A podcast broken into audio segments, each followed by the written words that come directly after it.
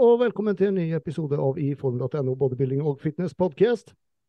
Podcasten inneholder reklame, og jeg vil starte med å si til takk til mine annonsører, som er Hälsokostbolaget, The Shock Factor og Superswole. Jeg vil også si tusen takk til mine patrons som er med og gi veldig god støtte. May-Lisa, Siri, Anel, Stian, Stig Olav og Raymond. Jeg vil også gi en spesiell shout-out til Fredrik for alle gode råd og ikke minst støtten han gir. Om du har lyst til å være med og støtte meg i podkasten, kan du gjøre det på Patron, og adressen dit finner du i beskrivelsen av podkasten. Om du setter pris på uh, podkasten, har vært en veldig stor hjelp for meg om du har klikket like på videoen, og uh, at du abonnerer på kanalen om du ikke allerede gjør det. Og så setter jeg enormt stor pris på en rangering på Spotify eller iTunes, eller gjerne begge. Uh, Der. Velkommen hjem, kjemp. Takk. Fy faen. Du, du, du, er best i Europa. Shit pommes frites. Ja, det var kult, ass. Herregud. Det var liksom Det må være årets comeback, tror jeg. Ja. Ja, ikke årets. Det er faen meg årtiendets uh, comeback. Jeg satt, jeg satt faktisk og så på uh, du og jeg kjørte jo en podkast der for ja, det er snart to år siden. Mm. Og da, da, sa jeg til deg at jeg, jeg krysser fingrene for at vi får se deg på scenen igjen. Men, men, du var veldig skeptisk, og det kom veldig mye an på sykdommen din. Og, men du hadde jo veldig lyst, da, for du visste at du kunne bli veldig god om du, om du først tråkka ja. til og liksom kom i den formen som du faktisk vet at du kan komme i. Ja. Og, og, vi kan vel si at du, du kom i ditt livsform? Ja, altså Selvfølgelig, det er noen ting som kunne vært bedre og sånn, men til at jeg var der nede helt alene, uten coach, ingen reisepartner, ingenting, så er jeg jævlig fornøyd fordi jeg var ikke stressa der nede i det hele tatt, selv om jeg var alene. Men mm. det er bare det Du som er utøver, vet jo bare å kommunisere litt med tanke på formen. Liksom, faen, er jeg tørrere i dag enn i går? Er det noe vi må gjøre? Sånn, Kanskje man skulle ha spist litt mer karb? Litt, altså, liksom alle de, Bare liksom drøfte det litt, da. Mm. Ikke bare sånn, Jeg har selvfølgelig sendt bilder til han Erik Widlund og sånn, men det er jo mm. noe annet når det er noen der. Ja, ja. Så med tanke på at jeg var helt alene altså Hvis jeg hadde vært newbie, så hadde det vært helt for jævlig der. Fordi at uh, jeg var alene og ja, jeg anbefales ikke å reise uten en, en reisepartner, liksom. Men uh, mm. Men jeg er veldig fornøyd med at jeg bare var der sjøl alene og liksom eh, Hva skal jeg si Klarte å beholde roen med å bare på en måte kommunisere med meg sjøl, egentlig. Mm. Men føler du selv at, at, at, det var best Om vi tar liksom da Sandefjord, Norway Classic og EM nå. Hvilken konkurranse føler du selv at du viste den beste pakken? Eh, jeg vet liksom ikke helt om jeg kanskje var liksom litt bedre nå på, på EM enn Norway Classic. Men jeg mm. vet samtidig liksom ikke helt, fordi det er jo veldig varmt på den scenen. Mm. Så jeg ser jo først med bildene først at eh, f.eks. lårene hadde mer cuts, og så kommer det opp på den scenen. Og jeg måtte jo enda på scenen enda en gang i den overall-klassen. Mm. Så man ser jo veldig godt at formen endrer seg nesten for hver gang du kommer opp på scenen, fordi det er så jævlig varmt. Mm. Heldigvis så svetter jo ikke jeg mye, så det gikk heller fint med det. Mm. Men samtidig også får man jo mer trykk også. Jo, for hver gang du går på scenen, så har du jo litt mer trykk i kroppen. Mm. Men uh, jeg er enda litt sånn usikker. Jeg vet ikke, liksom. Fordi på noen bilder så ser det liksom sånn sinnssykt ut, og på noen bilder så ser det litt mer sånn tror jeg litt varm da. Så det er det og sånt lys og alt sånt her. Mm. Så egentlig så vet jeg ikke. Jeg visste egentlig ikke gjennom alle de dagene visste jeg egentlig ikke helt hvordan jeg så ut. det var liksom bare å stick to the plan og bare OK, vi må bare gjøre det jeg skal, og så blir det forhåpentligvis bra. ja. Men som det du sier nå, det med at, at du føler på, visse, eh, på enkelte bilder så ser det litt vannet ut, og enkelte bilder ser litt sånn ut. Det er jo sånn det er å se på bilder. Bilder gir, mm. gir jo aldri den, den, fulle sannheten, liksom. Nei, exactly. Da, ja, Det ser man jo når man, vi som er på konkurransene og ser, og andre som ser bilder i ettertid. Sant? Det er jo mm. veldig veldig annerledes. Ja, ja. Det er Så, på noen bilder så føler jeg liksom shit, faen, det der var bra. Og på noen bilder så er det sånn eh, var liksom Men det kan godt hende kanskje de bildene var akkurat helt til slutt, sant? når du har vært på scenen mange ganger og det er dritvarmt. og for det er jo ikke noe tvil at når jeg kom backstage jeg tok noen bilder backstage, sånn, så var jeg veldig tørr og fin. liksom. Det ser jeg jo liksom på. Mm.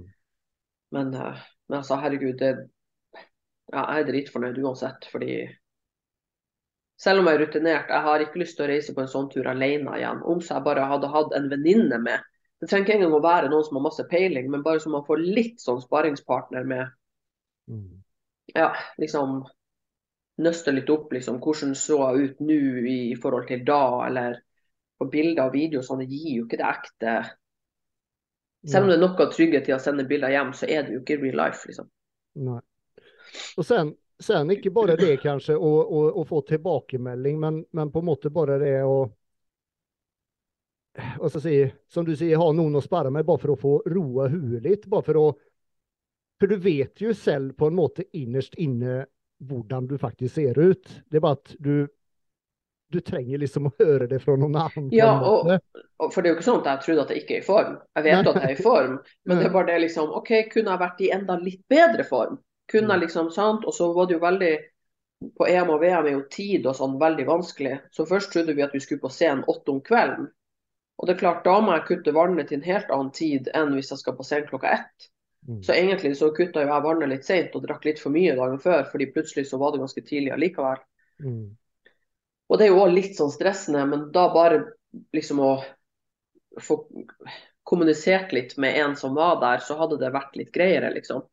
Mm. Men det er ikke sånn at det var noen som skrev til meg sånn ja, men nå må du bare stresse ned. Men jeg har ikke stressa egentlig i det hele tatt. Det er bare det at jeg hadde et behov for å også ha noen på rommet mitt og liksom bare kommunisere litt med dem. Men jeg har ikke vært stressa, for jeg har ligget på rommet helt loddrett.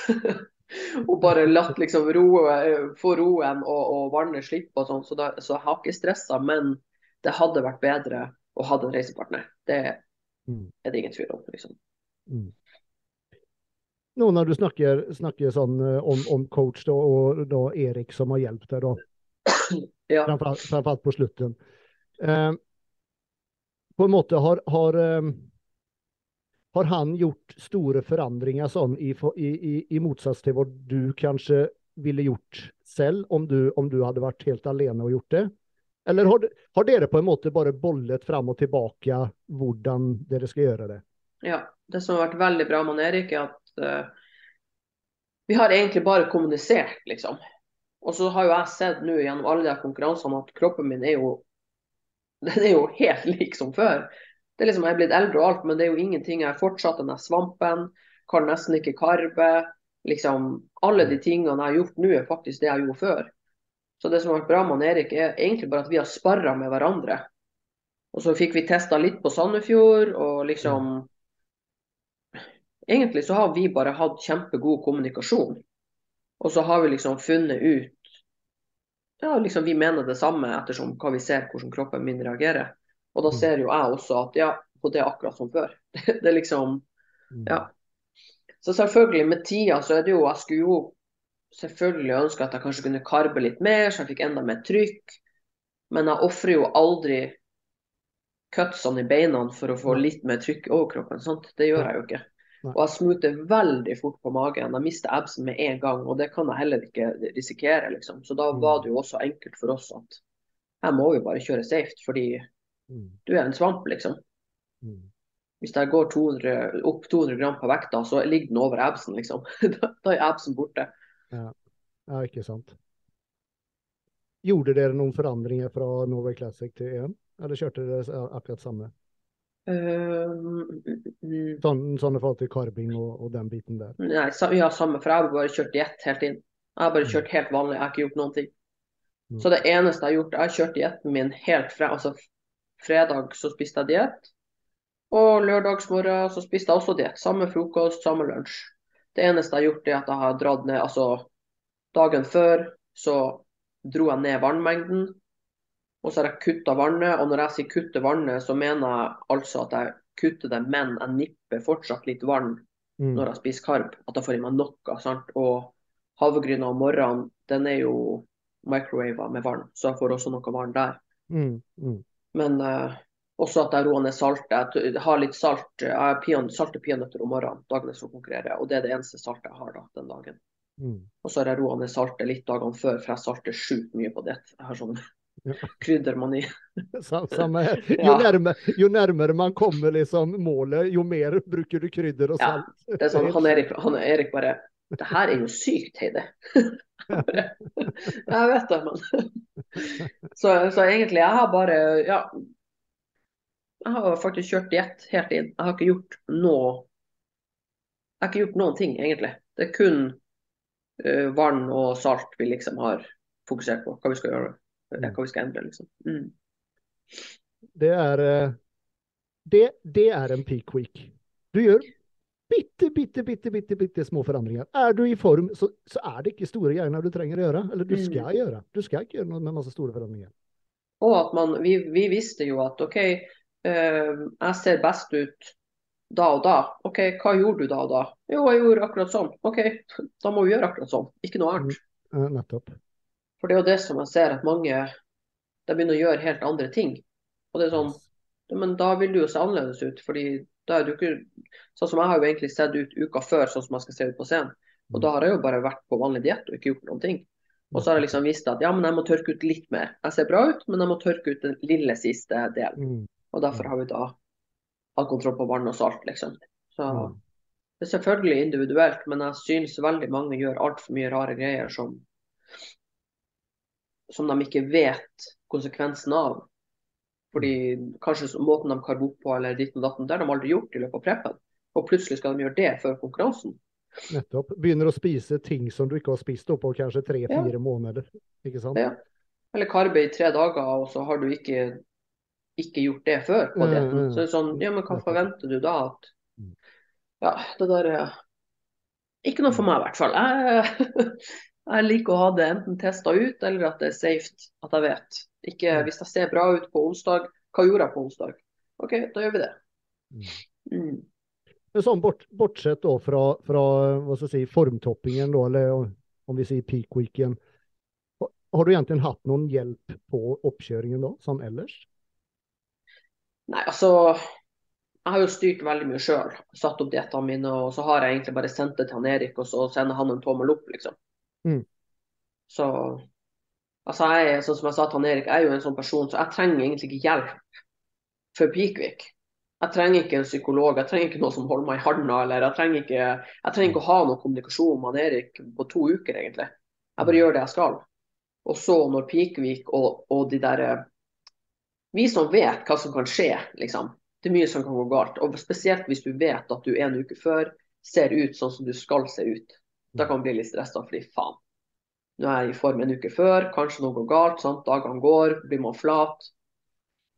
Men ja, for meg har det definitivt vært altså viktigste er denne peak-weeken. At jeg hadde både Erik og Mette der som liksom holder hodet mitt Mm. stabilt, og at eh, vi må stole på det her, og vi gjør sånn her, og du ser bra ut. Og de har vært øynene mine liksom i den viktigste de viktigste dagene av før konk. Det er der jeg virkelig trenger dem, liksom. Mm.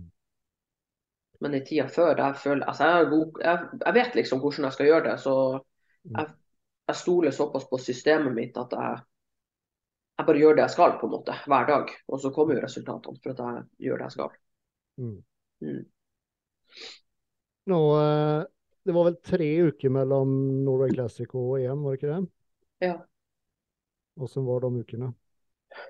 Altså, de to siste ukene, det var de verste. Det var, ja, det var helt for jævlig. Og det liksom, du går bare og venter og venter og venter. To uker føltes som to måneder, liksom.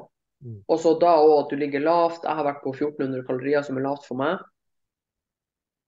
Og jeg blir så sliten at jeg klarer egentlig ikke å gå.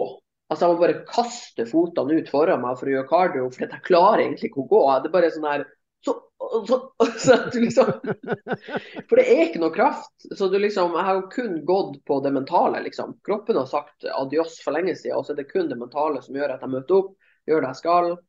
For å løfte en femkilos på gymmet hvor det faen sånn 30 kilo, og så har vært helt, helt for jævlig. Men så vet jo jeg også, siden jeg har gjort det før, at når jeg står i den verste driten der, som veldig få klarer, det er da også den der siste formgreia kommer. Den der Mm. At jeg får de cutsene, og at jeg får det der siste lille. Det er liksom den tida der hvor den mentale biten er avgjørende. Fordi du, de aller fleste hadde sprukket eller ville spist mer, eller altså du, du klarer liksom ikke. Mens jeg bare Bring it on. Ja, jeg tror bare det jeg, jeg sa til venninne òg, at grunnen til at jeg tror at jeg liksom er litt meant to do, altså det her, det er liksom fordi jeg klarer å stå i driten. sant? Mm. Mange har jo vanskelig for å bare når, det, når ting er ubehagelig, så er det vanskelig å stå i det. Om så man kanskje da drikke litt alkohol, eller altså skjønner du, alle de tingene. Det er jo det der å stå i det ubehagelige, det er jo veldig vanskelig.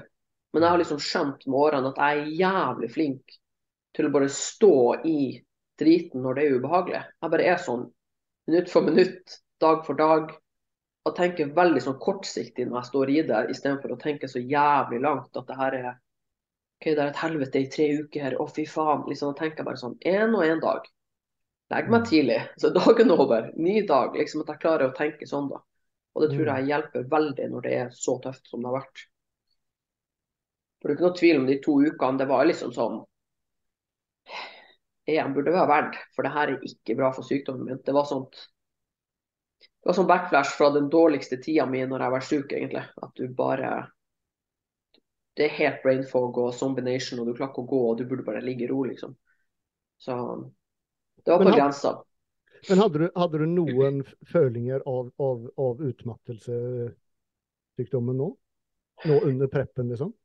Altså, det som er jo at det er jo veldig like følelser. Når du ligger jævlig lavt på, mage, eh, på maten, Ok. og presser deg sånn, og, og alle som har vært super shredded og kjørt steinhardt, de vet den følelsen som er liksom helt Du, du dør innvendig, liksom. Mm, mm. Det er jo veldig lik følelse med sykdommen min. For jeg pleier jo å forklare til folk som har vært på ordentlig diett, at sykdommen min det er som å være på de siste ukene på DEF året rundt. Det er jo sånn det føles ut. Ja. Men det jeg har sett, er jo at hver gang jeg har spist etter konkurransene, så har jeg blitt meg sjøl igjen. Så når jeg har fått karb, så har jeg liksom Da har det blitt mer normalt igjen. Og det er det som òg har vært på en måte sikringa mi da, på at det her ikke skal ødelegge meg. Fordi hvis det hadde vært sånn at utmattelsen blussa opp av det her, så kunne jeg jo ikke gjort det. Men jeg har jo sett at hver gang jeg har spist mer karb, så bam, oh, da er kroppen liksom i vater igjen. Mm. Så jeg føler ikke til nå, i hvert fall, da, at, eh, Mm. at det er noen sånne konsekvenser. Men selvfølgelig, det tar jo Det kan jo ta to måneder før man føler seg OK igjen, uansett. Så jeg Mm. må jo bare se litt nå hva som skjer. Men allerede i dag føler jeg meg Jeg er sliten, men ikke sånn Ikke den, den sykdomsslitsomheten liksom, som er helt sånn ja, som sier, Man har mye brain fog og sånn, altså man husker ikke dagen engang. skjønner? Jeg kan dra ut og gjøre masse Mm, mm. ting, og så kommer jeg hjem så husker jeg nesten ikke hva jeg har gjort engang. Og sånn er det ikke. Så jeg tror Jeg føler i hvert fall at det er en sånn uh, vellykka test. fordi at uh, det har Jeg føler ikke at uh, sykdommen min er blitt verre. Jeg føler at den er liksom stabil. Mm. Men nå har jeg jo selvfølgelig kjørt Herregud, jeg, jeg starta jo bare på Jeg var tre måneder på diett før første show. Så jeg er jo ikke en av dem som kjører veldig lang diett. Nei, men så er var du, du var i veldig god form når du starta òg, da. Du du har gått Ja. ned være syv, syv kilo? Eh, åtte er det vel.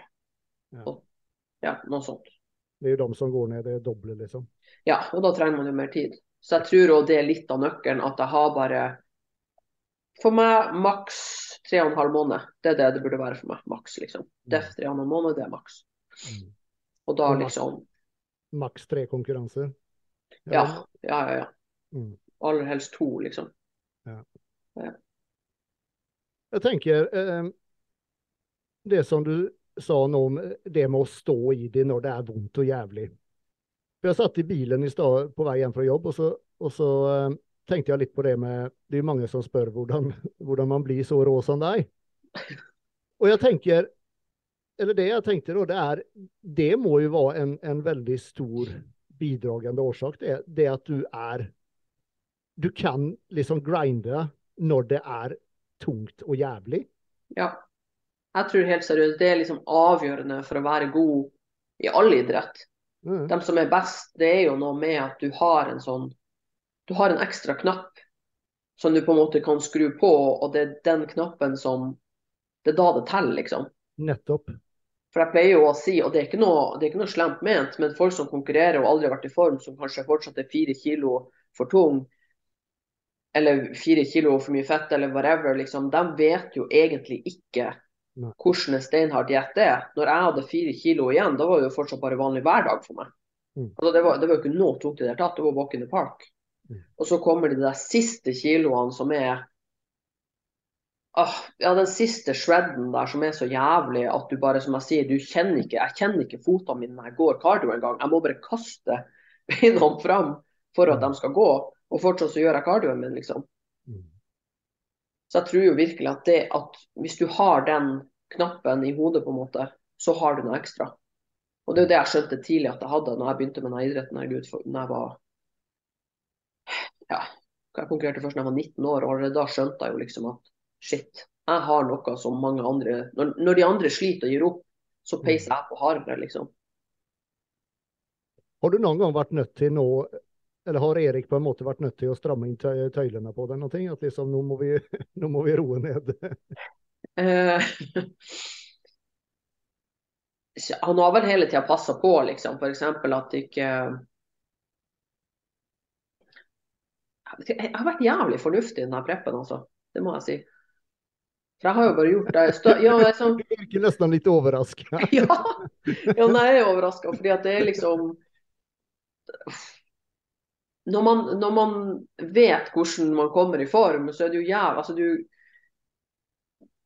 Man vil jo på død og liv ikke komme og være litt smooth, liksom. Du vil jo heller bare, du vil heller bare gasse litt ekstra på. Ja, ja. Men jeg tror jo det at det at jeg visste hele tida at uh, OK, jeg har sykdommen med meg, den er i bagasjen. Og det tror jeg har gjort at jeg har vært flink til å faktisk OK, ikke gjøre mer enn du trenger. Hele tida bare spare litt, fordi ting har skjedd. Jeg bruker jo aldri noen gir uten at det er nødvendig. Så vi har jo hele tida sett at OK, jeg gjør bare 30 minutter cardio, men jeg blir fortsatt i bedre form. Ja, da har vi ikke gjort mer cardio. Mm. Så jeg tror at Jeg tror han Erik også har trengt å holde meg mindre igjen enn han har trodd. Men jeg Mm. tror at det er fordi jeg har hatt liksom sykdommen i bakhodet. at Rekker det ikke, så rekker det ikke, men jeg kan ikke ofre helsa mi for at jeg skal være med på Sandefjord Open, liksom. Mm. Så ja, nei, jeg, ja, jeg må, det tror jeg faktisk. Når du spør. Jeg har ikke tenkt så mye på det, men jeg tror jeg har vært flinkere enn jeg trodde jeg skulle være. Mm. Å liksom, ja. Har det vært eh, da, dager som du, som du kanskje hadde tenkt å trene, med at du ble nødt til å kaste inn håndkleet den dagen, og så ta det dagen etter istedenfor? ja. Det har hun vært veldig flink til. Hvis jeg har trengt hvile, så har jeg tatt hvile. Jeg har ikke gjort cardio, ingenting. Jeg har ikke, Mm. har ikke dratt på gymmet. Jeg har bare sovet og hvilt. Så jeg har vært veldig Jeg har lytta på kroppen mer enn noen gang på denne defen kontra før. Mm. Og samtidig så vet jeg jo at jeg pusher det som trengs. Mm. Men når det, det er jo sånn Nå har jeg levd med denne sykdommen i 13 år, så da har du jo lært deg å kjenne på signaler du får. og Så hadde jeg liksom eh, levd med denne sykdommen i to år, så hadde det nok ikke vært så enkelt. Men jeg Mm. kjenner de signalene og hva kroppen sier, og da har det liksom vært lett å kjenne at OK, men det her er liksom sykdommen som sier liksom Nå må du hvile, kontra at jeg gidder ikke, liksom. Har du fått spist litt godt eh, etter eh, lørdag nå, da? Ja, det, trynet er det litt ja, du er Du ser ansikt, Ansiktet ditt ser litt mer le levende ut nå enn det, enn det gjorde i forrige uke. Altså, jeg kødder ikke. I går jeg våkna For vi, jeg og Tina Strand var jo en ekstra dag i Barcelona Mm. når de andre la- landslaget reiste hjem.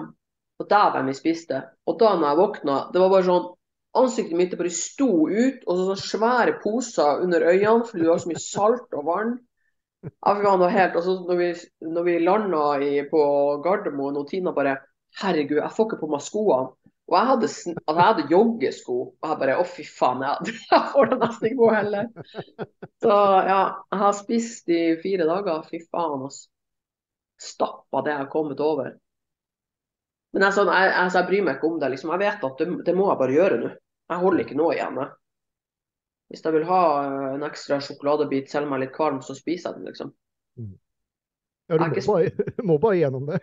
Ja, det er liksom Jeg har ikke spist meg veldig sånn fordervet. Du vet når man ligger og holder på å daue, liksom. Så ille har det ikke vært. For jeg har ikke hatt liksom behov for å Altså, jeg klarer å stoppe meg liksom før den her, at du blir så dårlig at Ja. Men uh, jeg har stoppa sjukt mye.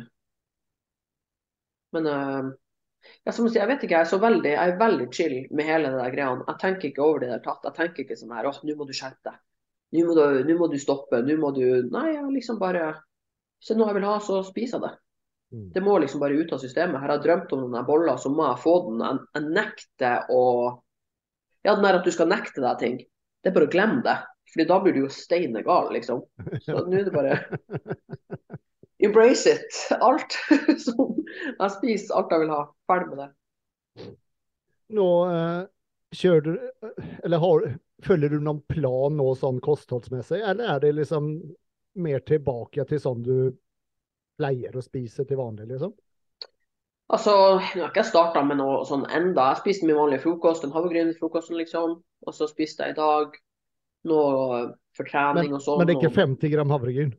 Nei, altså jeg er rett opp på 130. Ja, ja, ja, ja. Herregud. Nei, nei. Jeg er rett opp på min vanlige mengde, 130 gram havregryn om morgenen. Hvis ikke, så Altså, jeg er jo veldig fan av å gå rett tilbake til der hvor man starta.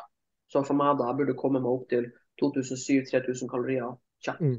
Ikke sant. Fordi det er der jeg pleier å ligge. Av og til litt lavere, for du, som du vet, jeg er ikke så flink til å spise.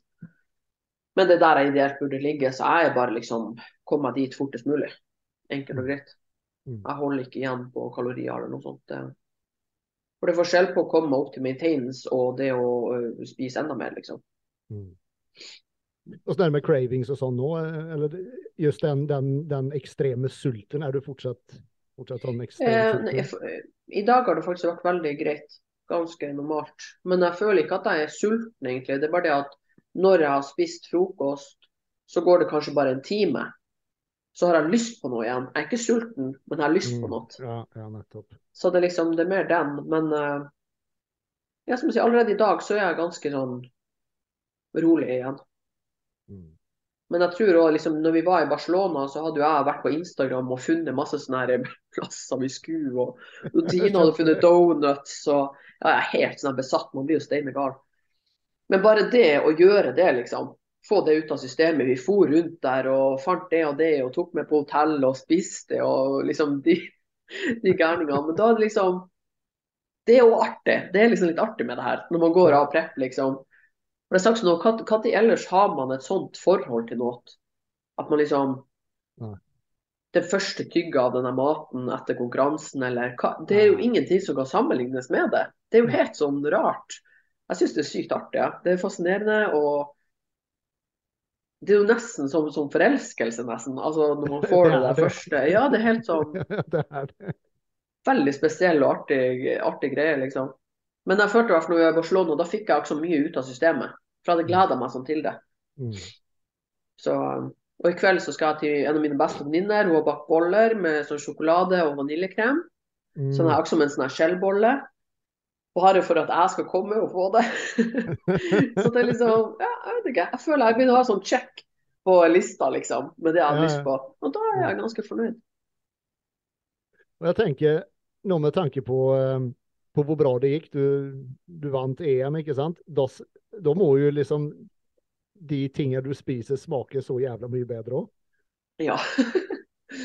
altså, eh, som jeg sier, liksom Jeg torde ikke å si det til folk, men jeg hadde jo Målet mitt har jo hele tiden vært å vinne EM. Det er det som har vært målet mitt, liksom. Men det er bare at jeg har ikke følt jeg kan si det høyt, for hvor cocky skal du være? Kom, jeg har ikke konkurrert på 13 år og bare Ja, nei, målet mitt er å vinne EM. Altså, det høres jo liksom så sykt ut. Så som sagt sånn her Ja, du vært for topp tre, liksom? Men målet mitt var jo å vinne EM og ha topp tre i begge de klassene. Det er jo det som har vært målene mine.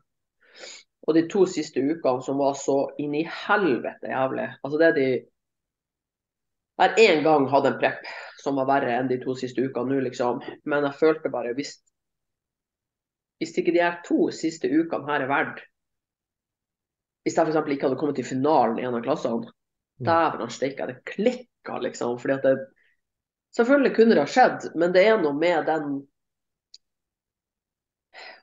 Jeg vet ikke, sikkert i, innsatsen du har lagt ned, når ikke den på en måte holder, Ja, liksom. Og, og selvfølgelig, det skjer, jo med, det skjer jo med folk, liksom. Det skjer jo med oss alle at vi føler vi har lagt ned masse innsats, og så får vi ikke igjen for det. Det skjer jo. Men jeg, jeg kjente bare nå at Jeg vet ikke, jeg var samtidig, til og med på scenen så var jeg liksom sikker på Det var kun i et halvt sekund at jeg ikke trodde på meg sjøl, på en måte. Jeg visste når jeg sto der at jeg kom til å ha topp tre i begge de klassene, liksom. Jeg var ikke bekymra i det hele tatt. Jeg bare Jeg vet ikke, det er bare noe, men jeg er jo veldig sånn visualisering og ser for meg, og jeg må tro på meg sjøl tro på det jeg gjør.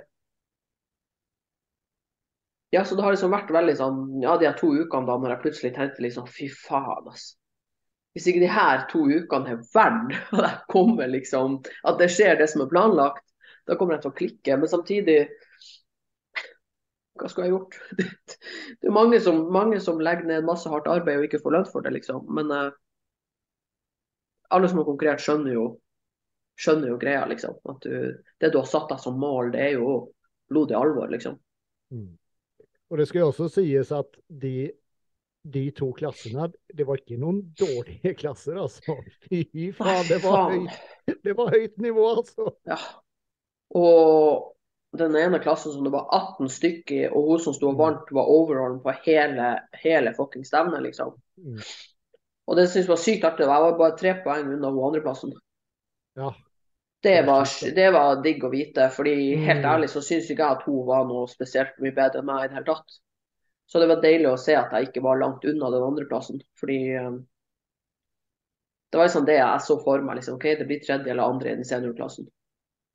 Og så var jeg veldig fornøyd, for jeg sto jo i master overall sammen med hun som vant overall mm. på hele stevnet.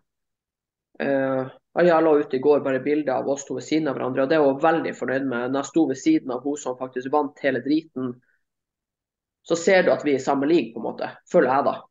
Det, det, liksom, det, det er ingen store forskjeller der, altså? Nei, liksom at jeg for, Men det er jo det som er, altså det er jo EM som har vært viktig for meg. Selvfølgelig Sandefjord, Norway Classic, alt dritartig og kjempeviktig og alt det der, men for meg så er det jo EM og et VM som er det er jo der jeg vil teste meg sjøl. Det er jo der jeg vil se at OK, er jeg sånn som jeg tror? Passer jeg inn sånn som jeg tror? Sant? For jeg har jo vært og sett på nå flere år, og jeg følger jo veldig med. Og jeg har jo sett at size-messig passer jeg. Og... Mm. Så ja, synes, det syns jeg var veldig artig. Liksom, å se på bildet ved siden av hun som vant hele skiten, og se at uh, det er ikke så jævlig langt unna, liksom. Gi meg litt tid, så skal jeg faen meg Ja. Så ja. Ja, VM sier du. Blir det, blir det, VM til høsten nå, eller? Har du bestemt deg? Eller venter altså, du litt? Greia er at man burde jo egentlig smile litt mens jernet er varmt. Nå har de sett ansiktet mitt, og jeg har vunnet en klasse der. og... Ja, sånn, ja. Men aller helst så vil jeg jo Selvfølgelig, man blir jo jævlig katabol når man går, nå når man liksom endelig begynner å spise igjen. Det er jo sjukt. Det er jo, det er jo den beste tida å bygge, liksom. Mm. Men jeg har bare satt nå, jeg må i hvert fall ha en måned nå hvor jeg bare spiser, slapper av, ser hvordan kroppen fungerer. Mest sannsynlig så tror jeg at jeg venter, fordi det er, det er jo et rotterace på kroppen, liksom. Det er jo ikke Friske folk syns jo det er tøft og har det jævlig. Så det liksom Det smarte, det vil være å vente. Mm. Hvis jeg skal være fornuftig. Ja, I hvert fall med tanke på den formen du kommer i, i og, og, hva du faktisk må gjøre, eller hvor, hvor, hvor, si, hvor, hvor langt ned i kjelleren du faktisk trenger å gå for å komme dit. Ja. Det er og, tøft i, i, løpet av så kort tid. To ganger, altså. Ja. Også og når man er, for dem som ikke skjønner det, liksom når du er jente og kommer i en sånn form, mm. Mm. det krever det krever noe sinnssykt, liksom. Mm. Det er ikke innvendig er man jo helt kjørt etterpå. fordi For å være jente så er det liksom helt unaturlig at du skal være så shredded over hele deg. Og, mm. ja. og jeg er jo veldig flink. Jeg tar jo blodprøver hele tida og, og, sjekker og veldig sånn der, så jeg vil jo at Jeg kan ikke begynne på en ny deff, og så er fortsatt ting litt i ubalanse inni meg, f.eks. Mm. Så ja. Når jeg bare ja, Nei, fortsett. Nei, jeg skulle bare si at jeg har egentlig bare sittet med i hvert fall en sånn måned nå hvor jeg bare må ja, spise og kjenne at jeg lever og får energi, og, og, så må jeg ta stilling til det. Men jeg heller imot å vente. Ja. ja I det lange løp så er nok det det smarteste. Og så tenk nå hvor kult liksom, hvis jeg får litt bedre tid. Det er jo ikke sånn at Jeg klarer jo ikke å bli enormt mye større, altså det går, det går ikke. Men jeg kan støpe details der jeg trenger det. Litt mer lats, litt mer sånn, litt mer sant, alle de der tingene. Og da komme tilbake og være en enda bedre pakke. Ikke bare sånn litt bedre, men faktisk Det er jo det jeg liker, og det, det syns er kult. Mm. Så Ja, du, du har vel planen klar allerede der? ja. Yep. Det hadde du det hadde du, Ja. den, den var klar for lenge siden. ja. Bare første sånn konkurransebildene og sånn, når man ser seg sjøl liksom, med mindre fett og sånn. Bare OK, mhm, vi må gjøre det. Sånn, sånn. OK, okay greit, greit. OK. Altså nå, nå når du ser på bilder av deg sjøl, tenker du da, eller ser du da sånn liksom Faen, så bra jeg var? Eller Nei. tenker du heller at ah, faen, jeg, har jeg har lyst til å forbedre det, jeg har lyst til å forbedre det, jeg har lyst til å forbedre det. Ja, jeg er nok den sistnevnte der. Ja. Altså, jeg er jo fornøyd. Herregud, ikke det. Jeg er veldig fornøyd, liksom. Og, og ofte også det å ha liksom, å være fornøyd med front og back pose, som er det viktigste posene. Ofte sånn at folk kanskje legger ut bare side poses, eller fordi man kanskje Mm. ser best ut. Men jeg ser faktisk veldig bra ut i front og back, som er de viktigste posene, liksom. Mm. Men jeg er jo også dommer, så jeg ser jo med en gang så Jeg ser jo hva som burde forbedres, hva som kunne ha sett Eller jeg ser jo Greia er egentlig at jeg ser veldig godt hvordan jeg kunne sett ut med min genetikk og mine linjer og alt, hvis jeg hadde litt mer der, der og der. Det er jo det som egentlig er hele problemet i Gåsøya, at jeg ser så jævlig tydelig hvordan jeg kunne sett ut med enda mer tid på gymmet, liksom. Og det er jo derfor at jeg nesten ikke stilte, fordi at jeg har et sånt bilde av hvordan det kunne sett ut. Mm. Men ja, til heldigvis så stilte jeg jo, selv om jeg fy faen, jeg tenker at jeg nesten bare dreit i det. Ja. ja, det er det sjukeste av alt. Fader. Eh, vi tar en kjapp reklame. Synes du mat og kosttilskudd har blitt dyrt i Norge? Ta da en harrytur til Svinesund, der du i tillegg til billig mat også får kjøpt alt du trenger av kosttilskudd hos Hälsokostbolaget, som ligger lengst inn i gågaten ved gamle veteranen på Svinesund, og som er åpent fra klokka 10 til 19 syv dager i uken. Med uslåelige svenske priser består sortimentet bl.a. av kosttilskudd, treningsklær, hudvårdsprodukter, helsekost og CBD-olje. Verdt å nevne er at styrken i mange vitaminer er mye bedre enn her hjemme i Norge. D-vitamin f.eks. kommer med opptil 125 mikrogram. Med et stort og veldig bredt sortiment finner du alltid det du er på jakt etter. Og når man topper det med kunnig personal, personlig service og uslåelige priser, så blir du alltid en meget fornøyd kunde. Hälsokostbolaget lagerfører mange anerkjente varer og merker som ellers kan være vanskelig å få kjøpt i Norge. Et godt eksempel er Trained by JP. I hele mai måned får du 20% rabatt på alt av vitaminer og mineraler om du oppgir kodeordet Gymbros. I tillegg har du som alltid også 10% rabatt på resten av sortimentet. Da. Jo, med tanke på å gjøre forbedringer nå da, som du har lyst til å gjøre. Da regner jeg med at du legger opp treningen ut ifra de, de tingene du har lyst til å forbedre. At du kanskje fokuserer på de tingene. Men vil det si at du Hva skal jeg si for, Hva skal jeg si eh, Forandrer du på, på, på alt av treninga, eller er det bare små detaljer på en måte du legger til eller tar bort, eller, eller hvordan gjør du det? Altså, nå har jo jeg trent for en scenefysikk hele tida, at jeg trener jo egentlig bare altså jeg trener bein, rygg og skuldre. Det er det jeg liksom støper på hele tida, fordi det rammer. Og så trener jeg armer og bryst, eh, legger og mage. Det putter inn på en måte der det passer seg. Men det er ikke det som jeg trener mest. Så jeg, vil jo, jeg kommer til å trene veldig likt. Men det er jo i hovedsak at jeg trenger mer tid på det jeg gjør. Mm. Så at jeg vil ha enda større, rundere lats under armene, og jeg må ha mer tjukkelse bak. Jeg har veldig, veldig lang rygg, så jeg har veldig vanskelig for å liksom bygge tjukkelse bak. Så kort rygg, og uansett om du drar bak, så, så blir det veldig annerledes. Men jeg har et så jævla midtparti, så det er veldig vanskelig for meg å få den tjukkelsen da, til folk som har kortere rygg. Jeg ser det Mm. veldig godt liksom, når jeg hvis jeg står vanlig ved siden av venninnene mine, da, så, så, ser man jo det at fotene mine er peisekort og ryggen er lang. Mm. Så det er et problem jeg hadde alltid. Men,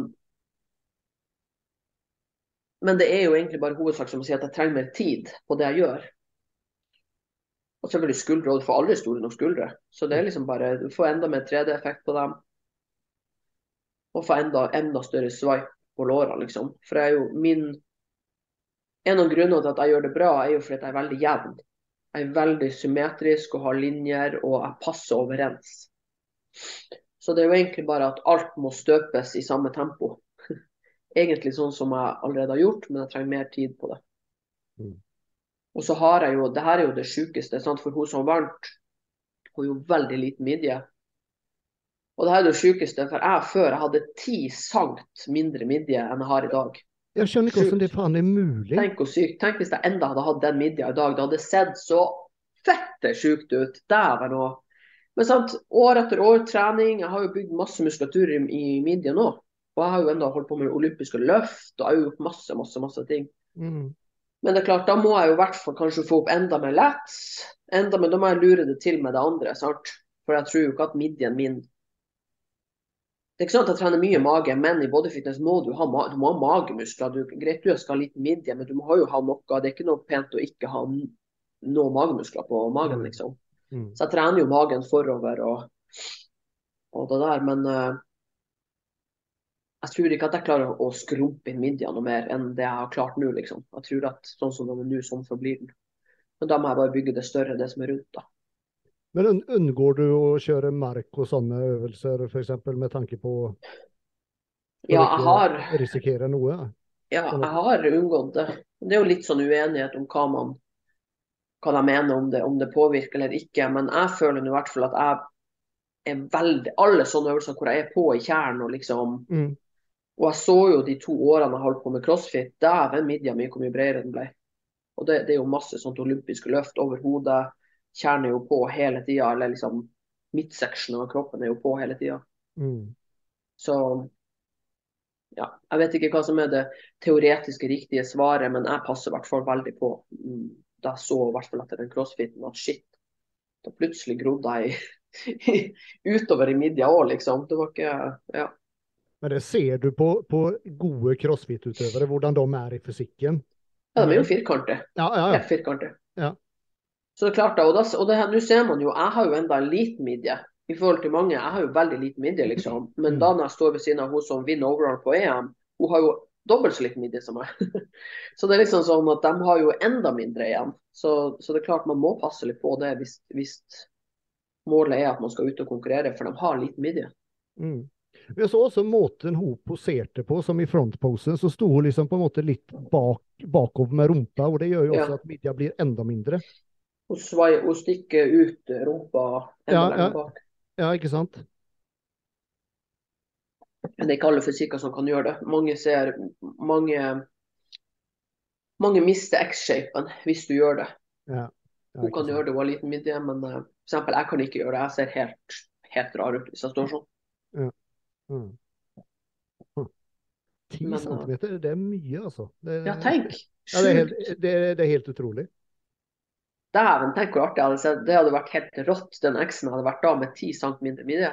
Det er mye. Åh, faen, altså. Kan ikke tenke på det. hvor hardt trener du, da? Det er jo et evig, evig spørsmål, det hvor, hvor hardt man, man, trener. Og alle, ja. alle, mener jo de trener hardt. Men, ja. men det, er, det, er, levels to this shit. Ja. Og så er jeg jo av den oppfatning av at du kan jo egentlig trene hvor hardt du bare vil, så lenge du restituerer fra det. For mange er jo sånn her, du må aldri trene til failure, og du klarer ikke å restituere fra det og ditt og datten. Jo, men hvis du klarer å restituere fra det, så er det jo ikke noe problem. Det er jo det det er snakk om. Det er jo egentlig ikke snakk om Nei, du kan aldri trene til failure, for du klarer ikke å restituere av det. Jo, jeg klarer å restituere av det, så derfor kan jeg gjøre det. Så det er jo liksom ja, som jeg sier, da, Nøkkelen er jo ok, hvis du vet sjøl hva du klarer å restituere fra og ikke. Det, det er jo det som egentlig er nøkkelen. Mm. Men altså, jeg trener bein trener jeg jævlig, jævlig hardt.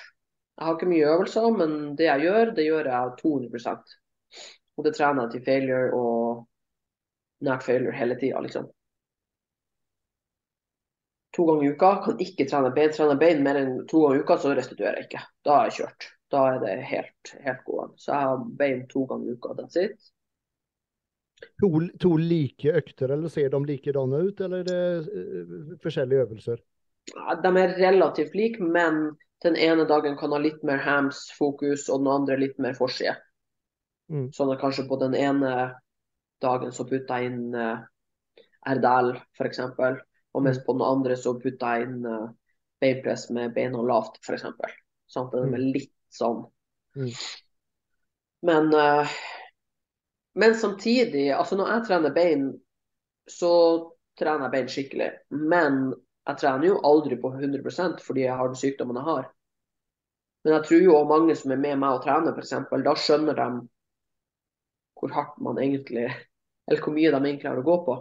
For de klarer ikke å henge med meg på mine treninger, og jeg trener ikke engang 100% av det jeg egentlig kunne ha gjort. Jeg trener kanskje på 80% fordi hvis jeg trener 100% så er jeg dødssyk og må sove i fem dager, og da går det opp i opp. snart. Da Mm. restituerer jeg jo ikke og blir helt Hvordan Eh. Hvordan kan en beinøkt se ut? Med fokus på, på, eh, på forsida, liksom. Um, ja, jeg kan kjøre, starte med leg extension. Kjører jeg kanskje et warm-up-sett eller to. Så kjører jeg to arbeidssett. Kanskje åtte til tolv rep. Kanskje litt mer på siste settet hvis det, hvis det bare kjøre ut til du faen ikke klarer å liksom gå derfra. Og så går jeg rett i hekken. Jeg har lange pauser. Jeg har lange pauser, pauser med jeg gjør. Går jeg i hacklift, kjører kanskje to sett der. Og så går jeg kanskje og kjører Og det er til failure til at du ikke klarer å stelle Ja, da kjører jeg gjerne siste settet til failure. At jeg ikke kommer opp. For i den maskinen vi har på Haralds, så kan jeg kjøre den i bunnen, og jeg kommer meg ut. Den stopper i eh, sant? Jeg har så korte bein. Så når den stopper, så det er liksom safe, på en måte. Så Ja. det er veldig perfekt for meg. Og så kan jeg kjøre f.eks. leg curl, hip Trust. Uh, ja, kanskje jeg putter på da ett sett da, med beinpress og med beina lavt, f.eks. Ja. Men that, that's it? Ja. Ja, for Men- om du sammenligner den beinøkten med hva mange andre kjører, så er det jo liksom Det, det er ingenting. Nei. Men det er der og jeg tror at folk Vi vet at for å bygge bein, hva trenger du? Jo, du trenger leg extension og, og en type beinpress eller hacklift eller bøy eller sant. Mm. Så jeg føler folk putter inn jævlig mye unødvendig drit som de gjør halvveis, og bruker masse energi på det. Og som vi har snakka om før, at folk blander kroppslig utmattelse med fiberutmattelse. Altså, Mm. du, du må ikke trene åtte øvelser fordi du skal føle deg helt utpeisa når du går fra gymmet. Det er jo ikke det vi trener etter. Fibrene, det er jo fibrene vi vil liksom Yes. maltraktere. Så ja, som jeg sier, så jeg gjør egentlig veldig Jeg gjør ikke så mye øvelser, men det jeg gjør, gjør jeg skikkelig Jeg prøver å tenke at hver rep og hvert sett er det som er, det som er tellende, liksom. Ikke at jeg gjør masse, masse øvelser. det, er ikke, det er ikke kvantiteten som teller, utan kvaliteten på det du Ja. gjør. Og Hvis jeg kjenner at jeg har en dag hvor jeg ikke klarer å pushe, sant, for med utmattelse og sånn, så lever man jo veldig sånn opp og ned, og man, man vet jo ikke alltid hvordan man. Altså, du kan våkne en dag og være helt kjørt, og du kan våkne en dag og være fin. Det er liksom you never know. Mm. Men hvis det er en dag jeg er litt dårlig og må ta bein, så kan jeg gjøre kanskje en til øvelse, fordi da har ikke jeg klart å makse så mye på det jeg gjør. Så da putter jeg inn kanskje en ting til, sånn at jeg liksom føler at jeg føler liksom intensiteten var litt for lav, på en måte. da. At det liksom, Mm, mm, Og da kan jeg putte inn en ekstra øvelse, liksom. Men eh, ja, jeg tror nok at eh, de aller fleste jeg trener med, og sånn, de, de tror at jeg gjør mye mer enn jeg gjør. Ja. ja, ikke sant. Men har du Så man kan si på en måte du trener litt sånn også da på, på følelser, hvordan du føler deg den dagen. Mm. Det må jeg gjøre. Men du har allikevel et, hva skal jeg si, et, et grunnoppsett som du som regel følger, eller, eller er det litt, litt sånn hver gang at du på en måte er faen, i dag, eh, i dag føler jeg ikke for hacklift, og da tar jeg beinpress istedenfor, eller whatever? Ja, ja, det kan jeg gjøre. Det kan jeg gjøre. ja okay. Men sant, jeg har liksom min base av øvelser som jeg bruker. Mm. Og den basen er ikke smekkfull av masse greier. Ja. Det er liksom de beste øvelsene for for den muskelgruppa, og så gjør jeg jo Altså man blir god på det man gjør, så jeg gjør jo mye av det samme. Mm. Jeg driver ikke og bytter masse øvelser hele tida. Jeg gjør egentlig de samme øvelsene uke etter uke, liksom. Mm. Og hvis jeg f.eks. har kjørt mye hekk, som er veldig tungt for både nervesystem og, og ja, knær og Nå sliter ikke jeg med knærne, men vanlige folk syns jo at hekken er det tøffe knærne. Men da kan jeg bytte. Liksom, kanskje jeg kjører hele beinpress da, kanskje to uker, hvis jeg kjente at det var overload med den hekken. Mm. For da skjønner jeg sjøl at OK, nå må jeg bytte den ut med noe, fordi den er, det er så utmattende, liksom. Mm. Men jeg tror jo når man har trent så lenge som vi har, så er man veldig flink til å liksom Jeg ser jo alle, alle de har coacha alt mulig, og kjempefint det, men de er så Jeg pleier å si sånn, men har du ikke lært noe? Du har hatt coach nå i tre år, har du ikke lært noen ting, liksom? Må du ha akkurat den der og tracke inn i apper og alt mulig de holder på med? Det er jo helt, jeg syns det er helt rått at de faktisk klarer liksom det. Jeg hadde blitt helt gæren og konstant trekke og ti, altså vekt og den og sånn og sånn, og akkurat sånn skal det gjøres, og jeg hadde blitt helt gæren, liksom. Men jeg tenker liksom bare at man har jo en sånn feeling sjøl. Liksom F.eks. når jeg må liksom OK, i dag kan vi ikke kjøre hekk. For jeg kjenner at uh, siste uh, trening for fire dager siden på bein den var jævlig heavy, så i dag må jeg gjøre noe annet. Altså, jeg kjenner det jo sjøl. Det er ingen som trenger å si det til meg. Så jeg tror det er det som er liksom, når man har trent så lenge som oss, så har man en annen sånn kontroll, da. En, en, man stoler mer på Kanskje egentlig det. Man stoler kanskje mer på det man føler. Ja, ja. Så hvis en nybegynner føler at han måtte droppe hekken, så tenker han kanskje heller faen, nå, det her skulle jeg gjort fordi at nå mister jeg litt framgang, eller Mm. sant. Mm. Samtidig som jeg sier da når folk har coach i årevis, dere må jo lære noe av det her. Altså, det går jo ikke an at dere har coach i tre-fire år, og så klarer dere enda ikke å for eksempel sette opp ei treningsuke til dere sjøl. Det syns jeg jo er veldig fascinerende. Dere, dere, dere må jo lære noe på denne veien, liksom. Ja. Sen over den andre skalaen med de som eh, har konkurrert for første gang og, og helt, helt, helt plutselig blir coacher. Ja, som er utlært. Som bare Ja, nei, det ja. Um, ja, på tale om å tracke, så det vil si at, at du, du, du skriver ikke opp hver økt, varje, hver rep, sånne ting? Nei, det gjør jeg ikke. Hvis jeg skulle vært litt flinkere, jeg kunne vært flinkere og trekka liksom mer sånn vekt. Vektmotstand og sånn. Men jeg er ganske flink til å huske skiver jeg legger på og sånn. Mm. Men det er klart, skulle jeg vært enda mer seriøs, så kunne jeg liksom skrevet ned vekt og rep og Men uh, jeg har liksom Mitt system er liksom sånn teoretisk så er det mange ting jeg kunne gjort for å gjort det bedre. F.eks. skrevet mer ned, holdt mer kontroll. Men den måten jeg trener på og har trent på hele livet, jeg teller jo ikke rep engang. Jeg vet jo at jeg holder meg innenfor f.eks. 8 til 12, men jeg teller ikke nødvendigvis til 12 rep. Jeg vet at jeg var innenfor. Ja. Så jeg har aldri i hele mitt liv telt rep. Så, så det er liksom sånn at eh, jeg vet at systemet mitt fungerer, selv om det er noen ting man kunne gjort bedre. Men jeg er ikke jeg er ikke toppidrettsutøver som skal på Olympia, liksom. Så systemet mitt fungerer, liksom, og, og jeg liker å gjøre det som jeg gjør det. Jeg skulle ville, ville, ville si at du er en toppidrettsutøver. Du har jo for faen nettopp vunnet EM. Jo, jo da, men man kunne, poenget er bare jeg kunne vært enda mer seriøs. Ja, enda mer ja. seriøs. Men, men, men kanskje det da på en måte Hvis du da skulle da tracke alle repper, alle sett etc., etc., hadde det tatt bort litt av gleden med å trene? Ja, for meg gjør det. Ja. Jeg har jo prøvd liksom å ha sånn app, og, og jeg blir helt Nei, det gir meg ingenting. Jeg blir helt uh, Nei, det er ikke noe for meg. Det er liksom Fordi jeg trener så mye. Jeg trener så mye opp mot failure hele tida. Mm. Jeg trener bare liksom reppene mine og sånn, og hvis jeg merker at jeg plutselig kjører jævlig mye rep, da vet jeg jo at jeg må legge på vekt. For jeg er ikke interessert i å, å pumpe ut masse, masse rep. Jeg ligger fra ja, mellom 6 til 15, da. Som oftest mellom 8 til 12. Det er der jeg ligger hele tida på det meste jeg gjør, liksom. Men hvordan vet du det om du ikke teller? Jo, fordi det, når du har gjort det hele livet, så bare er det en feeling, liksom. Eksempel hvis jeg filmer, da. Hvis jeg filmer noen øvelser og sånn, for det gjør jeg en del. Hvis jeg filmer og skal se teknikken min og sånn. Ja. Og da teller jeg på filmen, så er det der jeg ligger, liksom. Mm. Det er ikke som at jeg bare vet sånn vektmessig og hva jeg må putte på for å Det er som du sier. ehm,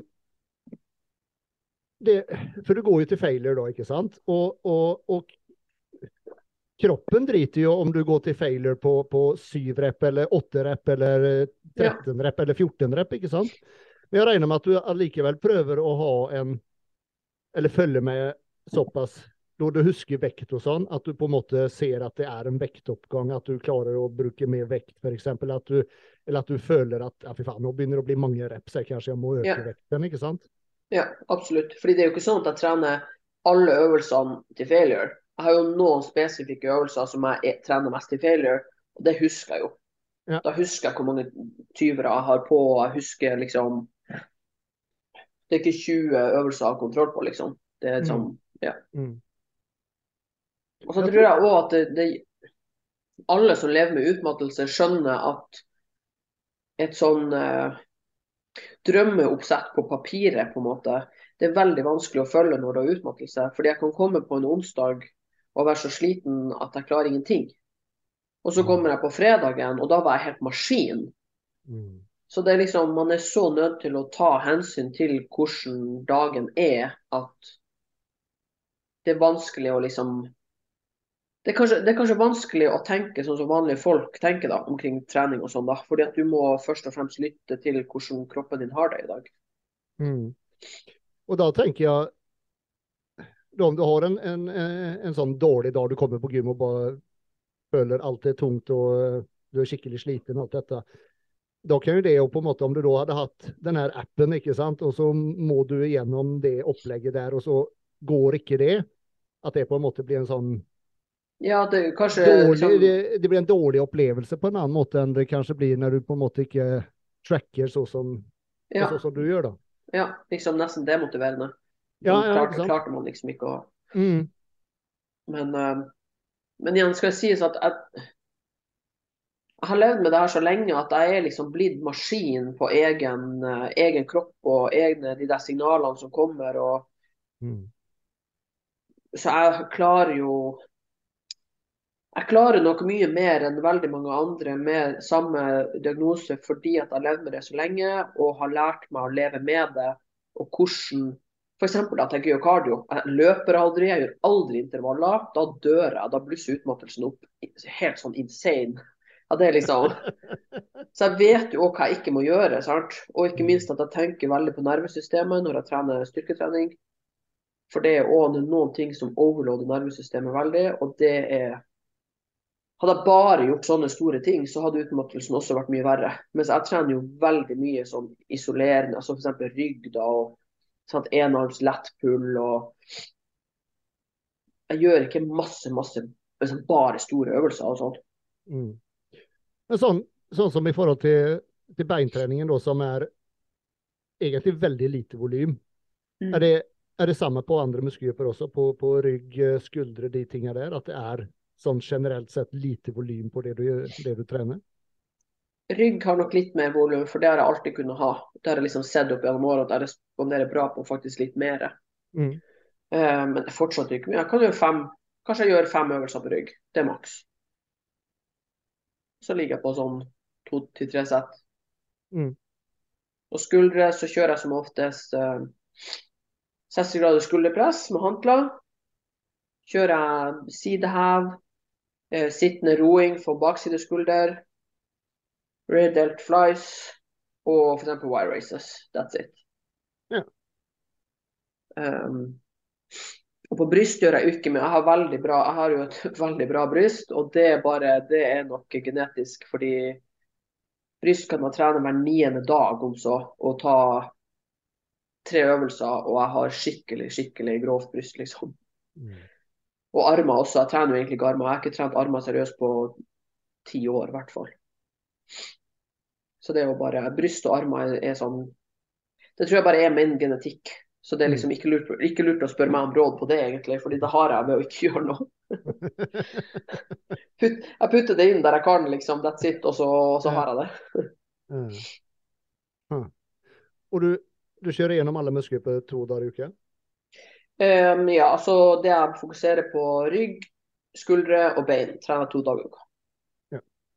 Og så da eksempel bryst, som jeg sier da. Kanskje hver åttende til niende dag sammen med armer. Mm. Mage, prøver, mage og legger, det tar jeg to ganger i uka.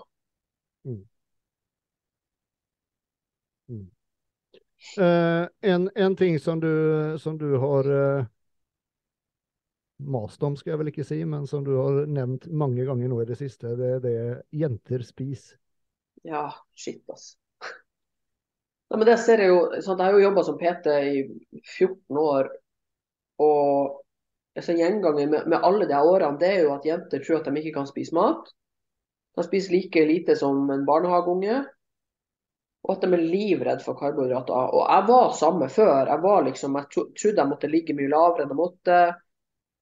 Torde ikke å spise. Jeg veide risen min alltid. liksom Var livredd for at det skulle være for mye.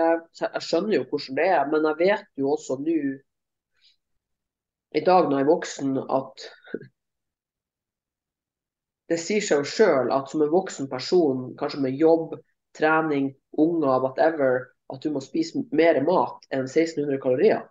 Sant? Men realiteten er at mange spiser så lite. Og hvordan skal du da liksom klare å yte og, og legge på vekter på gymmet og restituere og ja, Det er jo det som er anbefalt til, til små barn, liksom. Ja, i hvert fall ikke til en trenende atlet som, som i tillegg prøver å gro. Ja, det er liksom det er helt på halv tolv. Mm. Altså det første, når jeg bestemte meg for at OK, nå skal jeg prøve liksom, å komme meg på den scenen. Det første jeg gjorde, det var jo at OK, jeg må spise mer mat hver dag. Fordi altså jeg har òg hatt herregud, metabolisme og alt sånt som har vært skakkjørt etter konkurranser. Ikke tort å gå opp på maten etterpå. og liksom, Jeg har fucka det til mye sjøl. Men så har jeg jo òg da klart å få ting i vater igjen. Sant? Og det er jo hovedsakelig å spise mer mat. Så det første jeg bestemte meg for, da, det var jo OK, nå må, jeg, må jeg faktisk spise mer mat hver dag. Jeg kan ikke slurve, liksom. Jeg kan ikke bare ligge på 1800 kalorier, liksom. Jeg må spise mer mat. Og gradvis da bygde meg opp til å spise mer og mer. Og goden da, som vi har snakket om før, er jo at når dietten min begynte, så begynte jeg jo på mer mat enn jeg ever har gjort før. Mm. Fordi alt inni meg, sant, alle de Jeg pleier å kalle det bare for fabrikken inni vår. Sant? Metabolisme er jo masse ulike funksjoner til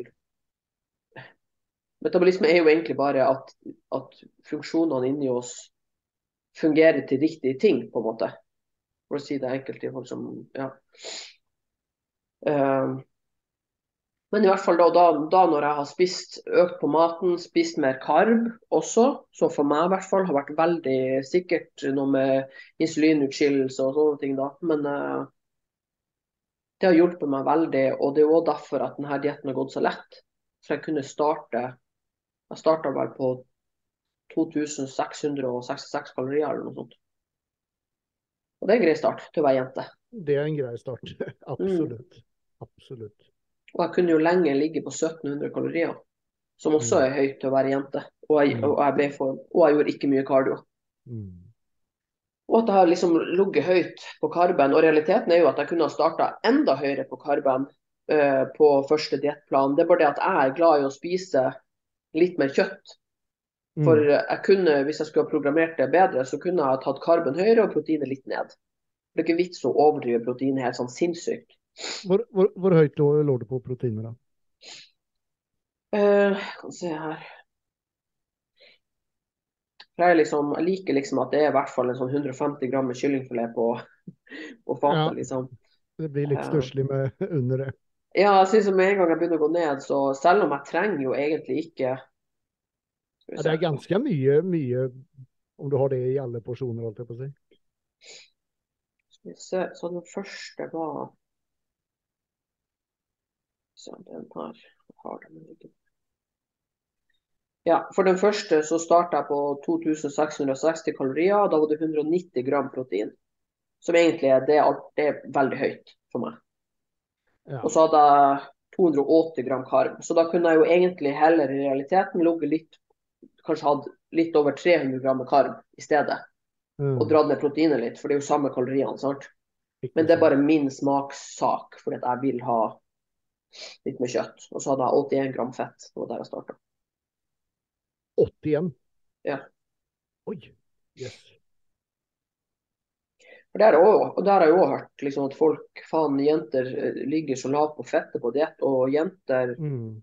og fett, det liksom Det, det må man, man Vi må ha fett på dietten, altså. Mm. Eh, men det med proteinet, min, min, minket du eh, noe av det på, på slutten når du var nede sånn på 1400, eller, eller eh, hadde du det likt hele veien? Nei, jeg har dratt det litt ned. Men det ligger ganske stabilt. Skal vi se. Hvis vi tar en sånn midt i her. Ja, som eksempel på 1670 kalorier så hadde jeg 156 gram protein. Ja, det er fortsatt relativt høyt. Og så hadde jeg 122 gram eh, karb på den her, og 55 gram fett. Mm. Ja. Men det som, er, det som er viktig for meg når jeg programmerer diett og sånn, er jo at jeg vil i hovedsak bare ta av karben. Mm. Sånn, Du legger deg først så høyt du bare klarer på maten. Mm. Og her må jeg skyte inn. De aller fleste kan spise mye mer enn de tror hvis de faktisk hadde spist det samme hver dag. Men grunnen til at folk tror at de ikke kan spise alt det der hver dag, er jo fordi når de skeier ut, så skeier de ut med ekstremt mye. Så hvis du spiser 1600 kalorier mandag til fredag, men lørdag spiser du 6000 kalorier, det vil jo si at vi kunne ha tatt 6000 kalorier delt på syv og spredd det utover uka, og heller latt deg spise da mye mer hver dag. Mm. Det, er sånn, det er sånn jeg gjør det. Men ja, ja, men det, det funker det for deg bra, men de aller fleste som tror at de bare kan spise ja, eh, lite mat, det er ikke realiteten. Det er fordi dere spiser ikke det samme hver dag, så det systemet deres, den trekkinga, den er det, det blir feil, liksom. Mm. Men eh, for de som da kanskje på en måte Litt som du også sa, at, at du turte ikke det eh, tidligere, det med å Mm. du, vei, du veide all ris, og du, det var vanskelig just det å spise mer karb. Har, har du noen tips til de som på en måte er nettopp der, som, som kanskje har lyst til å spise mer, men, men tør bare ikke? Det funker ikke i hodet, liksom? Altså det å øke litt og litt. Da må man liksom, eller det gjorde jeg i hvert fall. Det var ikke sånn at jeg bare på over natta så bare Yes! Nå er jeg og Heidi som bare stapper trynet fullt av mat og ikke er redd for det. Men jeg økte litt og litt. Bare det at jeg økte Jeg husker at jeg spiste 60 gram havregryn om morgenen. Altså Det er jo sånn diettmengde. Og bare det at jeg økte den opp til liksom 80 gram. Mm. Så altså at man på hvert måltid bare øker litt. Og så kan man jo ligge der, så ser man at åh, det skjer ikke noe gærent. Og så prøver man å øke litt igjen. Det må jo ikke være en sånn her eh, økning på 1000 kalorier. Du kan jo bare øke om som med 200 kalorier. Mm. Bare for å se at ja, men det her går bra. Mm. For det er jo noe med at hvis du skal trene tungt på gymmet, så må du jo ha energien. Jeg ser at mange bare tenker sånn at de er ikke sterke, for de har liksom ikke musklene til å være sterke. Men det er jo at du har ikke energien til å være sterk. Mm. Etter at du har vært på jobb i åtte timer og ja, bla, bla, bla, så er det liksom det er tomt. Så det er mitt råd. Det er bare at man øker, liksom øk litt. Bare øk litt og litt, og så ligger du der en stund. Sånn at du ser at det skjer ikke noe gærent av det. Mm. Og hvis man har tenkt å konkurrere og må ligge For det er mange som, herregud, det, det er masse ulike kropper og metabolisme som er skakkjørt og alt det der. Men hvis du liksom på en måte ikke går ned i vekt, du ligger på 1700 kalorier f.eks., ingenting skjer og du er ikke Da er det ikke tid for deg å konkurrere. Da må du først få på plass at kroppen din fungerer som den skal. For hvis du liksom sliter med formen allerede på 1700-1600 kalorier, det er liksom hvor, hvor lavt skal du gå ned? Det er nettopp det. Ja, nettopp. Og det er ikke det, herregud. Jeg har eh, kjørt eh, nesten alle diettene mine med å havne på 800 kalorier på slutten. Men jeg vet også at jeg er høy til å klare det. Det er liksom, det er en kort periode, men jeg er steinhard i hodet, liksom. Men det er ikke noe jeg anbefaler noen å gjøre. Men ligger du derimot lavt tidlig, så vet du at det er det du må gjøre. Da vet du at det er ikke noe annen vei rundt. Fordi da har du ikke noe gir å ta av. Og da burde man jo kanskje halvveis heller stoppe opp og tenke shit, burde heller kanskje bruke et år på å liksom få kroppen min til å fungere som den skal. Istedenfor å gjøre den enda mer skakkjørt ved å gå på 800 kalorier, liksom. Mm. Nettopp. Og, og, i tillegg, da, da, om du faktisk bruker det året da, på å få opp metabolismen, da får du også en helt annen framgang på treningen. Hvis du faktisk spiser mer det året. Ja. Det er liksom Jeg skjønner at folk er veldig redd for det. Og som jeg sier, jeg har også slitt masse med det da jeg var ung, men det er så verdt strevet. Det er så verdt å kunne spise mer mat. Og liksom å ha den roen, ikke minst. Bare den roen jeg lever med hver dag med mat. Jeg har ingen tvangstanker om mat. Jeg har ingen sånne spiseforstyrrelser som skyter inn her og der med ting jeg spiser. og Jeg er så avslappa og chill med det. Og det, den roen Hvis du har slitt med mat, men å ha den roen da, det er så verdt alt det strevet, liksom. Fordi jævlige mattankene omkring karb eller for mye mat eller fett på magen eller whatever, det, det er helt jævlig å leve med, liksom. Det er utmattende. Mm. Men tracker du, du ikke mat i det hele tatt nå, nå season, på en måte? Nei. Og der òg, hadde jeg vært dritflink, så hadde jeg tracka det så jeg visste at jeg fikk nok. For mitt problem er jo at jeg ikke spiser nok. Ja. Men du vet sånn cirka hvor mye du får i deg? Poenget er jo at jeg kan se på en tallerken, og så ser jeg jo, for jeg har gjort det hele livet. Så jeg vet jo sånn cirka hvor jeg ligger. Det er ikke sånn at jeg bommer med 1000 kalorier, liksom. Nei, ikke sant. Og så vet jeg jo når kvelden kommer, kanskje, det er jo derfor av og til når du ser meg med tortilla cheese chips-posen, så er det jo liksom fordi jeg vet at shit, i dag har jeg spist litt lite, jeg må fylle på med noe. Så, så det tortillachips? ja, men det er jævlig enkelt å spise. ja, det er sånn min, løs, min sånn løsning innimellom, og jeg elsker det. Men uh, nei, så mange ganger om kvelden liksom, så vet jeg jo at OK, og da fyller jeg på. liksom, Enten jeg må lage meg type middagsporsjon til kvelds også. Men eh, hadde jeg vært eh, enda mer seriøs, så hadde jeg trekka. Så jeg visste at jeg fikk nok. Ikke trekke for at jeg ikke skal spise for mye, men trekke for at jeg skal spise nok. Mm. Men jeg, eh, jeg, jeg, liker, jeg, liker, at jeg er så chill med ting, liksom. Mm. Det gjør det veldig levelig, syns jeg. Så, mm.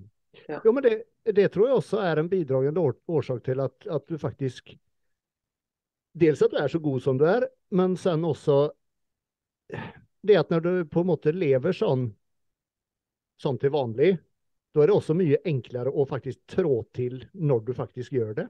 Ja, absolutt. Altså jeg kjenner liksom bare når jeg begynte på diett Det vanskeligste var jo liksom nesten å milpreppe. Fordi til vanlig er det ikke så farlig for meg om det går fire timer eller fem timer mellom jeg spiser. Mm, mm. Liksom bare får i meg det jeg, det jeg, skal ha, og litt jevnlig protein, så er jeg fornøyd. Mm. Men det verste var liksom bare det å milpreppe. Hadde jeg matboksene, bare faen, det, det, her er liksom rart. Det må jeg få inn, liksom. Men alt i alt de månedene, det har vært veldig enkelt, fordi det er så det er egentlig den samme maten jeg spiser hele tida, bare at jeg plutselig nå måtte trekke den og ha kontroll på den og veie den. Mm. Og at det liksom Utover et helt liv så er det jo veldig kort tid med matbokser, på en måte. For til vanlig jeg spiser jo akkurat det samme, det er bare at jeg gidder ikke å mealpreppe det. Jeg lager det når jeg kommer hjem, eller mm. whatever, da. Mm. Men jeg tror også det er derfor at det her er lett for meg, fordi du vet nå, altså jeg har jo spist den samme maten et helt liv. Jeg tenker ikke over Jeg er jo til og med oppvokst hjemmefra, liksom, på torsk og potet, liksom. Vi spiste havregryn med melk når vi kom hjem fra skolen når vi var unger. Altså, det, alt er liksom Det er ingenting som er Det er ingenting som er veldig avvikende fra min hverdag, da. Det er kun det der at du må veie det, og at det er nøye, og at det er milpreppa. Mm. Men ellers så og selvfølgelig grønnsaker, for til vanlig har jeg ikke plass til grønnsaker. jeg spiser, spiser mye grønnsaker, så får jeg ikke plass til det, det jeg egentlig skal ha. Men Veier du grønnsakene nå på preppen òg, eller? eller? ja. Okay. ja. Alt. For jeg spiser mye grønnsaker. Men gang, mm, det jeg gjør, er jo at når jeg spiser så mye mat at jeg er mett og OK på diett, så trenger jeg ikke så mye grønnsaker. Men med en gang jeg begynner å kutte og jeg begynner å bli sulten, så fører jeg jo inn mer og mer og mer grønnsaker. Så jeg spiser jo over to kilo grønnsaker om dagen når jeg er lavt på kaloriene. så er jeg jo mett. Hvis jeg spiser fire måltid, så er jeg jo faktisk mett tre av de gangene. Fordi grønnsaksmengden er så stor. Så jeg må veie det fordi det er så mye. Så det blir faktisk en god del kalorier. Hva, hva av grønnsaker går det i da? Er det fryste grønnsaker eller ferske? Eh, jeg har hatt eh, liksom 400 gram brokkoli om dagen. Og så ellers går det i tomat, agurk og isbergsalat. Det er ikke så heavy for magen heller. For hvis du skal spise skikkelig sånn brokkoli, blomkål og alt det der i store mengder, så har du vondt i magen, liksom. Mm. Men tomater, agurk og isbergsalat det funker kjempefint med magen min. Så det, Ja. men det er redning for meg. Og så er det òg det at for mange når man klikker etter diett, så er det jo fordi man aldri har fått spise seg mett. Ja. Sant? Det er jo det det er snakk om. Og da når du spiser masse grønnsaker og du faktisk spiser deg mett nesten hele preppen, Mm. så er du helt annen. Du, du har en helt annen sånn greie når du går av diett, for du har fått den metthetsfølelsen gjennom preppen. Mm. Ikke sånn sulting med masse små porsjoner eller Det hadde jeg aldri kunnet gjort. Det hadde vært spiseforstyrra etterpå, liksom. Mm. Så for meg er det, det å spise liksom mye grønnsaker, det, det er avgjørende for at jeg skal klare en diett. Altså, uten det så hadde jeg ikke klart det. Ja, og som du, som du faktisk sier nå, det, du kan spise jævlig mye grønnsaker, altså. Ja. Sjukt mye. Og det er jo karb i det. Ja, Så når du bare får opp mengden på det, så får du i deg karb òg. ja. Og når du er på diett på, på lite kalorier, dæven, da kan du spise mye. Mm. Det er liksom Det er ikke som et vanlig liv hvor du liksom ja, tar deg to tomater til et eller annet. Det er liksom så, du, så, så mesteparten av dine karb kom egentlig fra grønnsaker? da? Ja, På slutten. Og så selvfølgelig litt ris, og så har jeg jo hatt en del havregryn om morgenen og sånn. Men utover dagen så har det vært gjennom eh, grønnsaker. Karb gjennom grønnsaker. Ja. I mengden har vært så stor. Eh, vi tar en kjapp reklame til. Norges råeste treningsklesmerke The Shock Factor sjokkerer igjen med en rålekker tracksuit som kommer i to farger, cream og navy. Kul, behagelig og funksjonell er stikkord her. Men fort deg å bestille for å sikre deg ditt eksemplar da etterspørselen er stor. I tillegg har de også sin graphic-kolleksjon med oversized tees, hoodies, sweatshirts og shorts, performance-kolleksjonen med både dame- og herretøy, samt oversized og lifestyle-kolleksjonene. Så om du er ute etter treningstøy med høy kvalitet, tøff design, som er deilig å ha på seg og som sitter som det skal, så bør du ta en tur innom theshockfactor.com der du kan bruke kode GYMBROS for 10% avslag på prisen. Se også til at du følger dem på Instagram, The Shock Factor, der de fra tid til annen kjører giveaway av klær. Jo, en ting som, eh, som, vi, eh, som du og jeg satt og snakka litt om eh, mens vi satt og kommenterte, eller mellom at, at vi satt og kommenterte Norway Classic. Ja.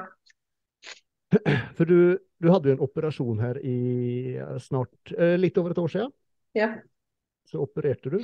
Kan du fortelle litt hva det var du opererte, og hvorfor? Det er det som er interessant. Eh, altså, jeg har jo hatt silikon i mange år. Og så har jeg vært mye hos leger sånn i USA med den sykdommen min. Og der er det jo vanlig med noe som heter silikonsyke. Og det er jo utmattelse bl.a. av at man har silikon, silikonpupper. Og der er det liksom blitt Altså det er en vanlig sykdom. Så flere og flere opererer ut silikonet fordi at det gjør dem syke. Så sist når jeg var i USA, ikke sist eller gangen før, men i hvert fall, da ble jeg liksom enig med meg sjøl at jeg skal operere dem ut. Fordi det kan være med å påvirke. Mm. Og uansett om det bare var 20 bedring av å ta ut det silikonet, så er 20% sjukt mye enn når du lever med det her. Så jeg fikk dem operert ut da i 14. desember, hva det blir da? 2021, En. ja. Mm. Uh, og så ble det litt komplikasjoner etterpå, for at ene, den ene puppen den bare fyltes med blod tre ganger. Så jeg måtte dra og Det var jævlig artig da han der legen han bare Jeg føler meg som dr. Mengele. For han måtte ha sånn svær sprøyte som han kjørte inn i puppen og dro ut blod med liksom tre ganger. Fy faen, det var jævlig. Så du på?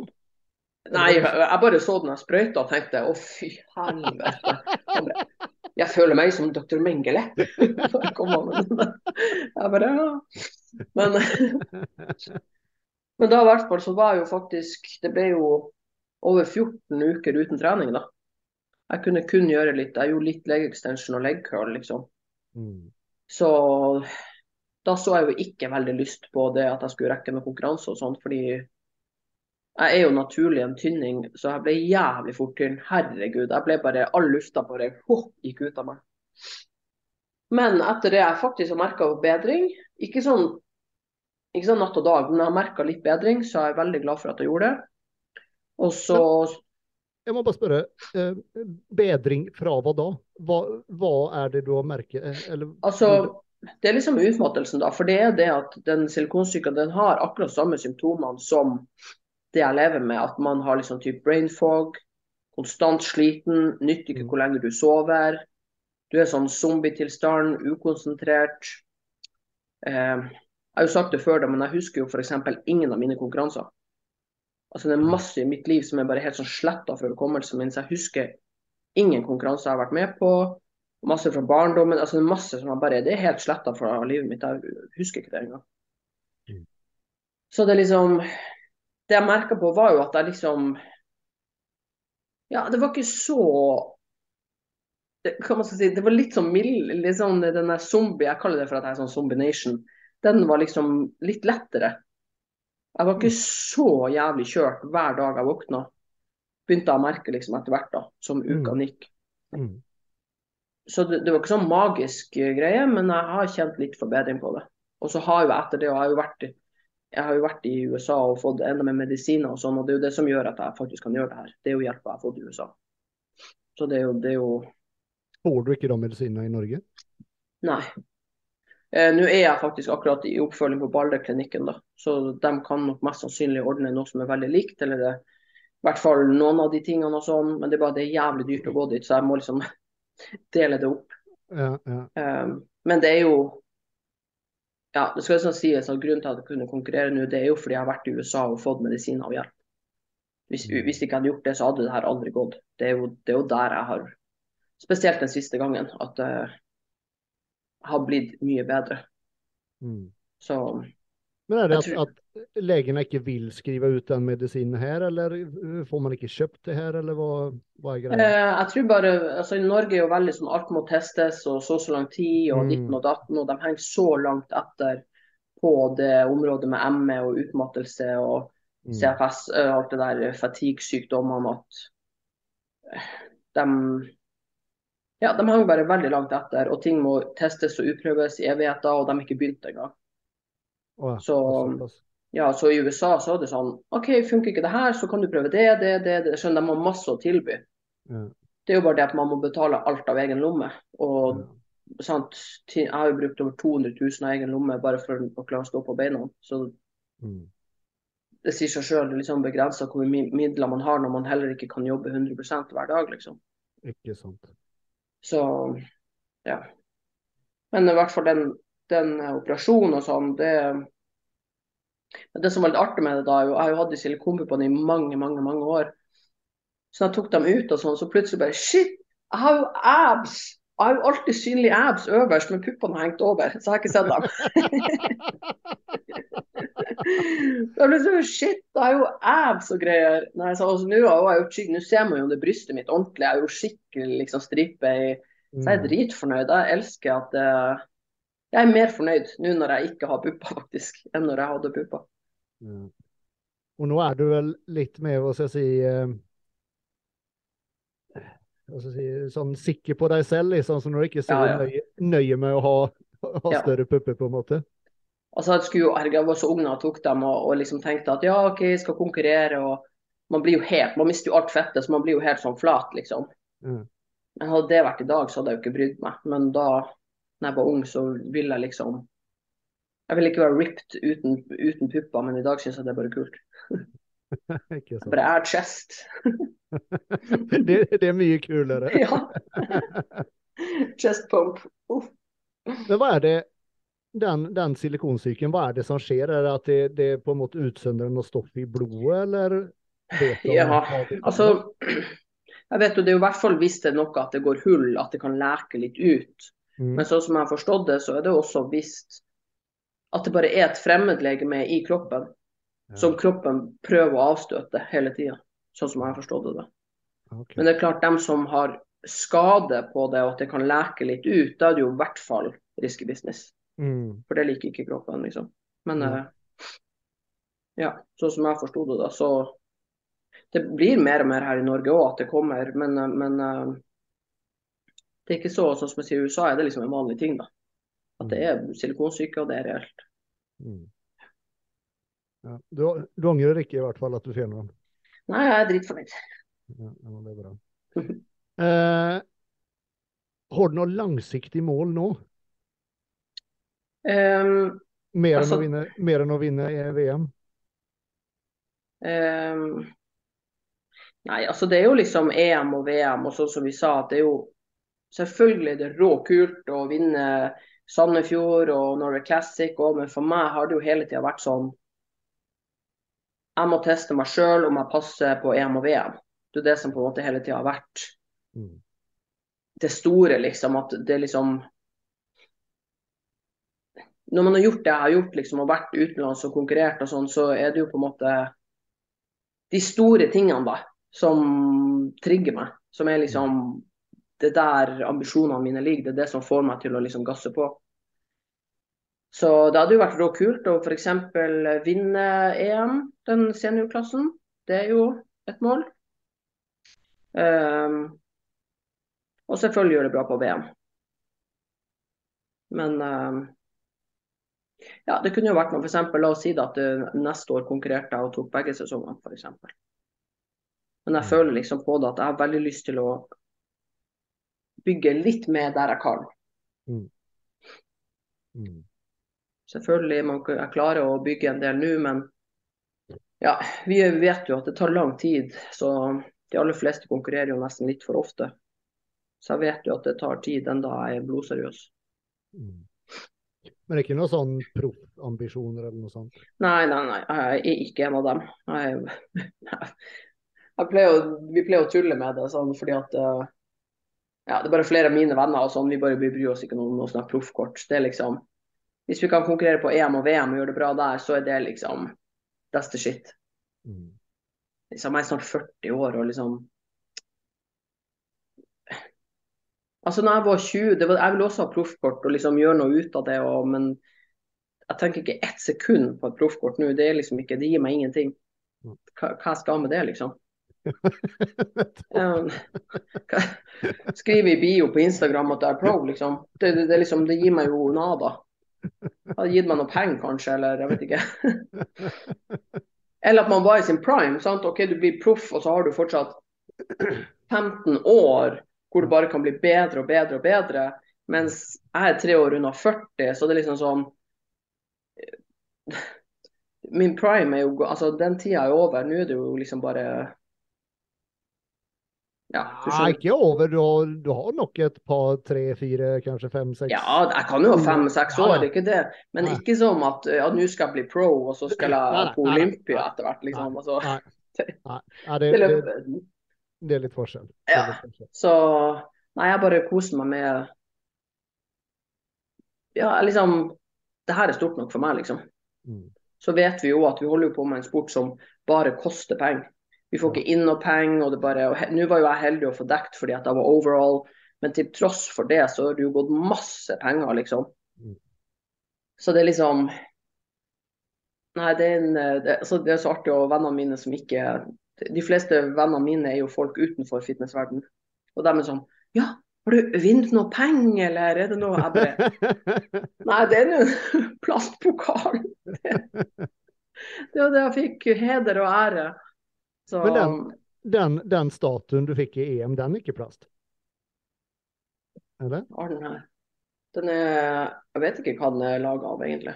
Den ser skikkelig metall ut. Er den Nei, tung? Er den tung? Men det er relativt lett. Oh, ja. Men det var sånne vi fikk i USA også. Så jeg har to sånne fra før med sånn dame som mm. Ja, Så det er litt kult. det er stilig, da. Absolutt. Og så tenkte jeg også litt når vi var der, sånn at det er så artig at man har de her minnene å ta med seg. Altså liksom bare Og så var jo han Dan med, han Dan Titan, vet du. Han er jo så sjukt artig. ja, jeg ler meg igjen. Herregud. Og så og så er det jo ikke noe tvil om at eh, jeg har vært jævlig sliten på denne dietten. Så når vi reiste ned, så var jo ikke jeg hun Wally Heidi. Jeg var jo bare en sånn person som var med og ikke sa et ord, og var ganske sånn Folk trodde, ja, folk trodde sikkert jeg kunne bite av den hodet, liksom. Så, og så måtte plutselig jeg sove med han Dan på rommet han Dan. Og så visste han jo at jeg var sliten og måtte hvile og alt. Så plutselig så ser jeg bare sånn sjokoladepapir på badet. Liksom at det lå, Jeg bare faen, noe, hæ? Jeg lå ut på Instagram min bare Her har du spist sjokolade når du dusjer, eller hva som skjer? Men vet du hva det var? Han torde ikke å spise sjokoladen om natta når jeg lå og sov, eller når han hadde kommet hjem, for det bråka sånn når han tygde. Så han har spist sjokoladen på badet fordi han var redd for at han skulle vekke meg med tygging. Så det kan hende at jeg har blitt oppfattet som litt sur og gæren, for å si det sånn. Han torde faen ikke å spise maten sin inn på rommet engang. Nei, jævlig artig. Nei, faen, han er artig, altså. Nei, men så det var veldig Men bare de minnene man får sammen, da. Med folkene der, og så ja, veldig fin gjeng. De der Bikini Fitness-jentene Bikini Fitness-jentene òg, bare så søte og omtenksom gjeng, da. Herregud, de liksom Ja, det er bare bra folk. Det var veldig Ja, min, liksom minner man Det er nesten det artigste, liksom. Det er jo ikke det pokalene, det er egentlig minnene av hele, hele, den dagen, liksom. Ja, Helga. Opplevelsene mm. rundt det. Ja. Det er så gøy. Og at det eh. bare, du står der og det spilles den norske nasjonalsangen. Ja, ja hvordan var det? Det var sjukt, for da tenkte jeg også sånn her OK, man pleier jo å holde seg på hjertet, men, bare, men vi er jo ikke så nasjonalistiske i Norge. Og så fikk man ikke holde den premien opp eller noe, så man måtte bare stå der. Så det jeg egentlig tenkte mest på, det var sånn her eh, hvordan skal jeg stå når, når sangen? Uh, det var veldig merkelig. Men uh, ja, nei, det var ganske Ja, det var litt sånn surrealistisk. Men kult. Det var ikke noen sånn mottaksseremoni til deg på, på Gardermoen når du kom hjem, eller? Nei. ikke masse reportere og Nei. Det var, ja, det var artig når vi var på flyet, da, fordi jeg tok jo fly mot Tina Strand. Så det var så artig fordi at jeg hadde sånn her den her uh, gullmedaljegreia. Mm. Så på flyet så tok han på, og så gjorde jeg bare sånn her til alle som kom. Bare liksom Hallo, European Champ her. Så, det, er ingen, det er jo ingen som vet noe om hva vi holder på med. Det nei, nei, nei. Noe om det. Så vi flirte sånn, for det var jo ingen som så det. Det var jo bare liksom Hallo, det er European Champ på det flyet her. ingen bryr seg. Nei, ikke sant. Herregud. Det er artig. Eh, en siste ting som eh, Vi var inne på det litt i stad. Eh, da når du eh, hadde operert, så sa du du var ute utenfra trening i 14 uker. Mm. Det er en ting som er, som er litt sånn bemerkelsesverdig med tanke på at nå, ja, litt over et år senere, så går du fram og vinner EM. Ja, det, er liksom, det, det er ikke så jævla farlig å være borte noen uker fra trening. Nei, og jeg tror òg at man Det er da det kommer inn den der at når du er seriøs på det du gjør, mm, mm. når du møter opp, når du og sånn som også da, de 14 ukene, det var jo ikke sånn at nei, da spiste jeg bare drit og ga faen i alt annet. Ja, ja, nei, nei. Jeg spiste jo fortsatt maten min, gjorde det jeg skulle, liksom Mange er jo veldig sånn at OK, hvis jeg ikke trener, så spiser de dårlig. Hvis jeg, altså Det går hånd i hånd, det der. sant? Mens mm. jeg har jo alltid de faste holdepunktene. Sånn som da jeg kunne ikke trene. Ja, men jeg spiser fortsatt bra. Spiser fortsatt samme frokost. Fortsatt samme lunsj. Mm. Så det er liksom sånn Jeg tror man lager jævlig mye unødvendig stress for seg sjøl med akkurat sånne ting. Altså, og der også, hva skal jeg gjøre med det? OK, det ble komplikasjoner. Det var 14 uker som gikk, men jeg kan jo ikke gjøre noe med det. Og da når jeg begynte å trene, det tok fire uker, så var jeg tilbake, for man har jo muskelminne. mine. Så etter fire uker så så jeg likens ut igjen. Ja, ikke sant. Så jeg tror det er viktig at man minner seg sjøl på det, at hvis det skjer noe, eller faen bare når folk har influensa noen dager, de pakker over hjemme fra gymmet. Ta deg fri og gi kroppen den hvilen den trenger, og så heller komme tilbake 100% pigg. enn å pushe gjennom sånne halve økter med halvveis influensa og ja, alt det der, fordi folk er livredd for å liksom hvile en dag for mye. Ja, du mister ikke gamesa liksom på en dag eller to dager. Men jeg tror det også har noe med sånn modenhet på gymmet. Når man, jo mer moden man blir, jo mer vet man at de hviledagene er viktige. Mm. Sånn Nå hviler jeg jo hver fjerde dag. Som oftest så trener tre dager, hviler fjerde. Trener tre dager, hviler fjerde. Det er sånn det går liksom hele tida.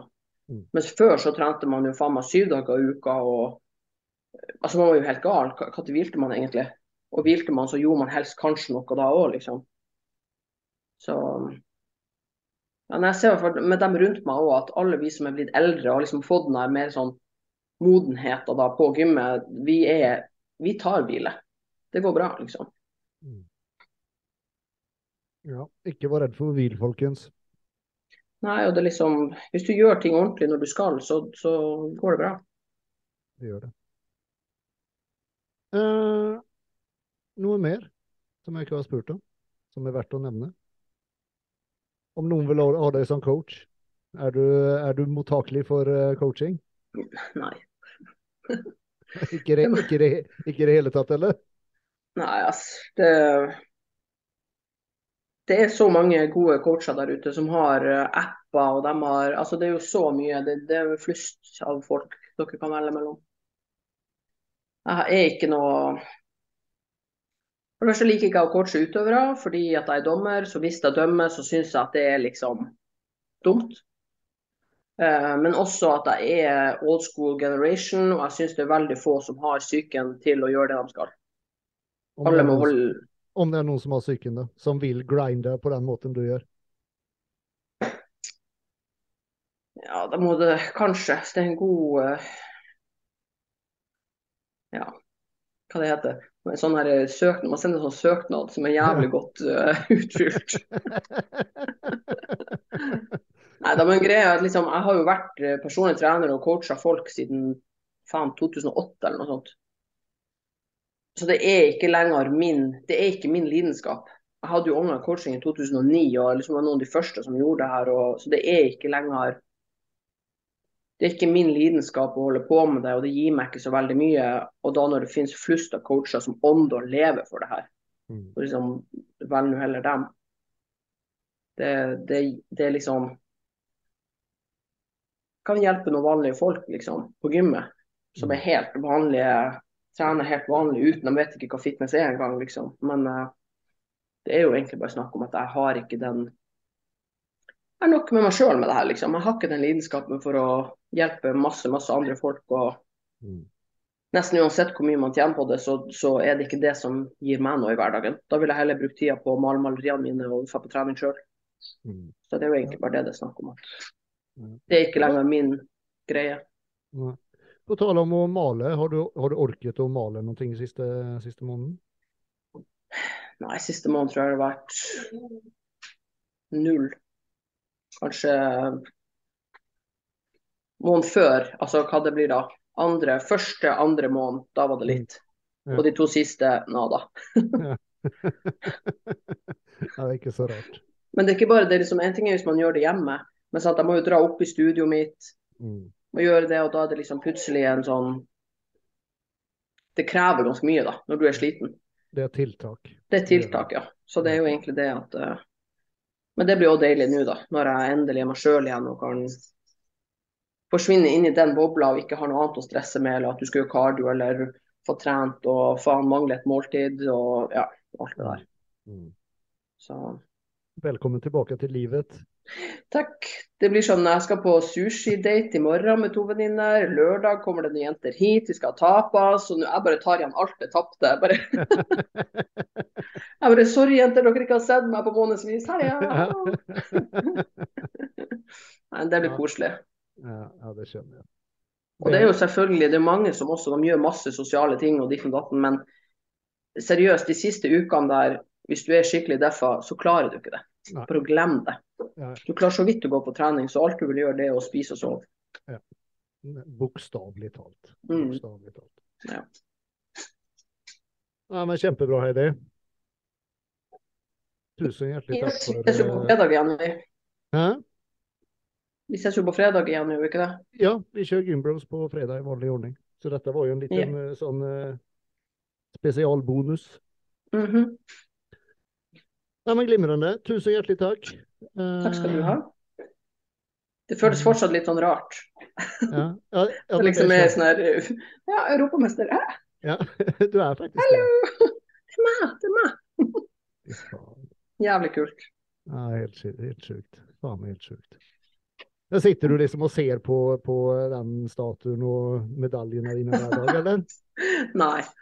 Men eh, det jeg faktisk eh, kjente på etter ja, søndagen, søndag og mandag, det var liksom at jeg hadde veldig sånn indre ro.